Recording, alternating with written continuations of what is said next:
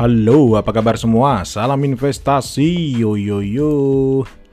Kali ini kita akan ngomongin tentang gaya hidup, pergaulan, dan utang. Jadi, ada riset yang dilakukan oleh salah satu lembaga dan ini di dari Forbes yang uh, mempublishnya. Jadi lembaga itu adalah Credit Karma. Di mana riset mereka itu atau survei mereka tersebut lebih tepatnya survei ya. Dari para orang-orang yang mengikuti survei itu didapati data dan mereka semuanya milenial bahwa hampir 40% dari milenial itu menghabiskan uang yang sebenarnya dia nggak miliki yaitu utang atau sering caranya yang paling sering adalah lewat kartu kredit. Nah, itu dilakukan oleh milenial karena gaya hidup dan hubungan sosial. Anda mungkin sering melihat di media sosial, di Instagram, TikTok mungkin atau YouTube. Memang yang banyak justru dilihat oleh orang adalah bahkan yang menjadi trending adalah konten-konten yang menceritakan tentang kemewahan gitu ya anda bisa lah uh, lihat langsung gitu ya dan justru itu mendapat banyak respon like ataupun uh, views. Karena justru orang melihat itu adalah satu bentuk gaya hidup yang menyenangkan gitu. Dan kadang-kadang bikin iri gitu ya. Seperti misalkan uh, menunjukkan uh, pada waktu liburan, foto-foto pada waktu liburan atau video pada waktu liburan, kemudian hobi, ya hobi yang koleksi misalkan, ya kemudian makan di restoran yang mahal atau hotel yang mahal, ya dan juga tergo, uh, termasuk item-item uh, yang tergolong dengan uh, fashion ya, yang terkini gitu. Nah, dari uh, 40% milenial yang tadi di, di dari survei tersebut yang menghabiskan uang uh, untuk menunjukkan gaya hidup dalam hubungan sosialnya, ternyata rata-rata memang mereka mengambil utang untuk pengeluaran yang berbicara tentang pengalaman seperti berlibur, uh, kemudian party gitu ya, atau kumpul-kumpul, kemudian kehidupan malam mungkin sekarang masih relatif uh, lebih uh, susah karena PSBB gitu ya. Tapi itu tergantikan dengan uh, belanja online. Ya, belanja online kemudian diposting di media sosial gitu. Bahkan sampai kepada pernikahan gitu. Jadi ternyata tidak sedikit yang pernikahannya uh, karena ingin terlihat baik, bagus dan mewah dan mapan gitu ya. Biayanya itu justru digunakan bukan dari cash sendiri atau tabungan yang dimiliki, tapi justru dari berhutang gitu. Dan yang paling parahnya lagi, kondisi e, mengambil utang ini adalah kondisi yang sangat rentan karena Eh, kenyataan di dalamnya adalah keuangannya sangat rentan untuk bangkrut.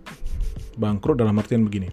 Kalau misalkan tiba-tiba dia seorang yang bekerja di satu perusahaan sebagai profesional atau karyawan ataupun mungkin berprofesi sebagai katakan uh, pengusaha atau artis atau penyanyi atau inilah dunia seni gitu ya. Dan ketika masa pandemi seperti ini itu justru sangat memukul karena memang sebenarnya itu tadi tidak memiliki uh, dana darurat yang mungkin nanti kita akan jelaskan tapi intinya tidak memiliki tabungan lah untuk bisa bertahan di masa pandemi seperti ini gitu. Dan yang paling sedih lagi, ternyata ada alasan yang mana para milenial ini menolak untuk tidak mengambil utang atau melanjutkan terus untuk mengambil hutang karena sederhana alasannya supaya dia tidak ditinggalkan teman-teman sepergaulannya.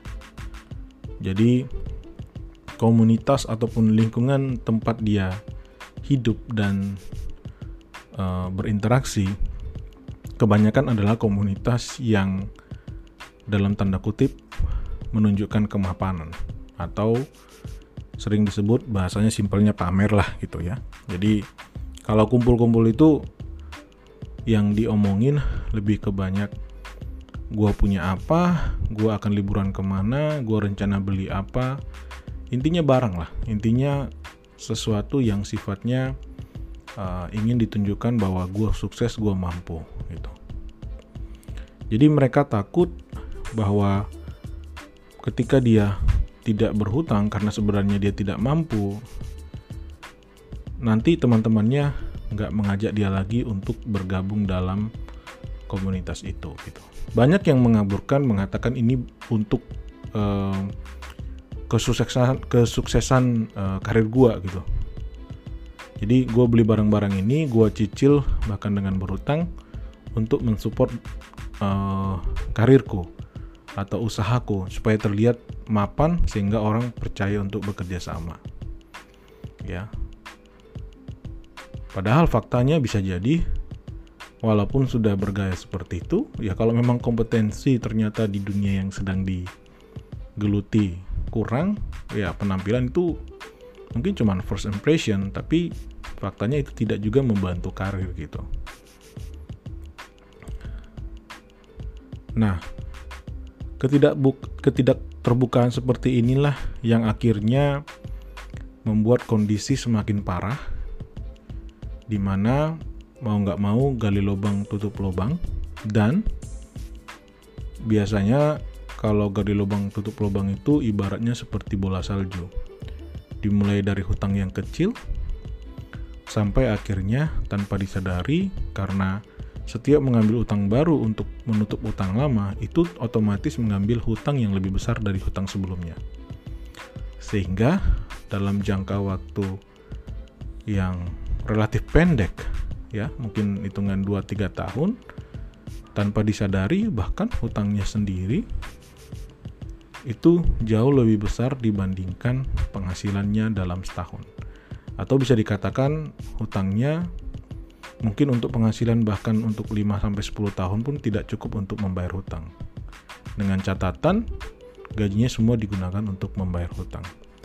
Nah, kondisi-kondisi seperti inilah yang akan menimbulkan masalah besar terutama di generasi muda, di milenial, uh, Gen X gitu ya. Karena komunitas maupun uh, di lingkungannya atau mungkin di keluarga mindset bagaimana mengelola keuangan itu tidak dia peroleh ya. Lingkungannya lebih uh, memberikan dia pandangan-pandangan ataupun contoh-contoh bahwa ya kalau mau sukses harus terlihat mampu padahal sebenarnya nggak mampu. Jadi membohongi diri sendiri gitu. Yang kadang-kadang berlebihan gitu ya tidak lagi bicara tentang mendukung karir tapi hanya demi untuk memuaskan dan uh, supaya orang melihat bahwa yang bersangkutan itu terlihat sukses gitu. Nah, psikologi seperti ini sebenarnya tidak baik yang pasti gitu ya. Dan bagaimana cara untuk keluar dari masalah ini? Ini menurut pendapat saya ya harus berganti komunitas atau setidaknya memiliki seorang yang bisa membantu mengingatkan orang yang dia percaya, orang yang dia uh, jadikan role model atau bahkan orang yang dia yakini bisa membantu dia.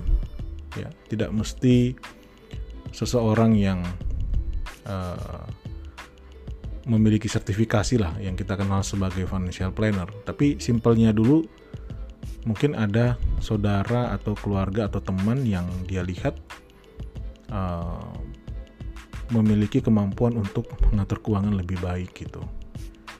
Harus mau nggak mau harus memang mencari komunitas yang uh, model seperti ini gitu. Dan itu jujur tidak tidak gampang uh, untuk bisa ketemu fisik ya. Tapi sebenarnya ada solusi bahwa sekarang pun di media sosial maupun di YouTube sudah banyak kok channel-channel ataupun akun-akun yang membahas tentang uh, mengelola keuangan gitu ya. Yang tips-tipsnya bahkan kalau saya uh, Anda mau contoh yang lebih straightforward lagi gitu ya. Uh, anda bisa follow ada salah satu yang sering saya follow itu Dave Ramsey uh, di Instagramnya. Itu contoh uh, financial advisor yang menurut saya nggak basa-basi gitu. Kalau di Indonesia uh, saya sarankan bisa follow juga Mas Safir Senduk gitu ya atau Mbak Meta itu adalah rekan yang saya kenal yang mana mereka cenderung uh, sepengetahuan saya melakukan hal atau mengajarkan hal yang mereka lakukan sendiri gitu. Nah, saya tidak tahu saat ini bagaimana kondisi keuangan Anda. Anda yang paling tahu. Tapi kalau Anda mendengar podcast ini dan Anda merasa bahwa Anda butuh bantuan, tidak ada salahnya Anda bisa DM saya. Tidak ada salahnya juga Anda bisa mencari orang yang Anda percaya bisa membantu Anda bagaimana untuk membenahi keuangan Anda. Tidak usah dulu kita bicara investasi ya, tapi setidaknya mindset dan gaya hidup yang sebenarnya harus kita lakukan. Tidak melulu mengikuti tren yang pada akhirnya justru merugikan kita di masa mendatang ketika masalah-masalah utang ini semakin besar, semakin menggunung dan bahkan mungkin tak tidak ada orang satupun yang bisa membantu gitu. Jadi sedini mungkin semoga Anda mendengar podcast ini ya. Di mana pun Anda berada itulah indahnya teknologi. Bentuklah komunitas atau setidaknya followlah akun-akun di media sosial yang menurut Anda bisa justru membangun Anda, membantu Anda untuk membentuk mindset bagaimana sebenarnya seorang generasi muda, seorang milenial Gen X mulai menata keuangannya. Terutama untuk Anda-anda yang baru bekerja, ya saya sarankan semoga tidak salah langkah, cari pergaulan yang tepat ya supaya Anda bisa benar-benar menata dan mempersiapkan untuk masa depan Anda. Terima kasih untuk mendengarkan podcast saya. Salam investasi. Yo yo yo.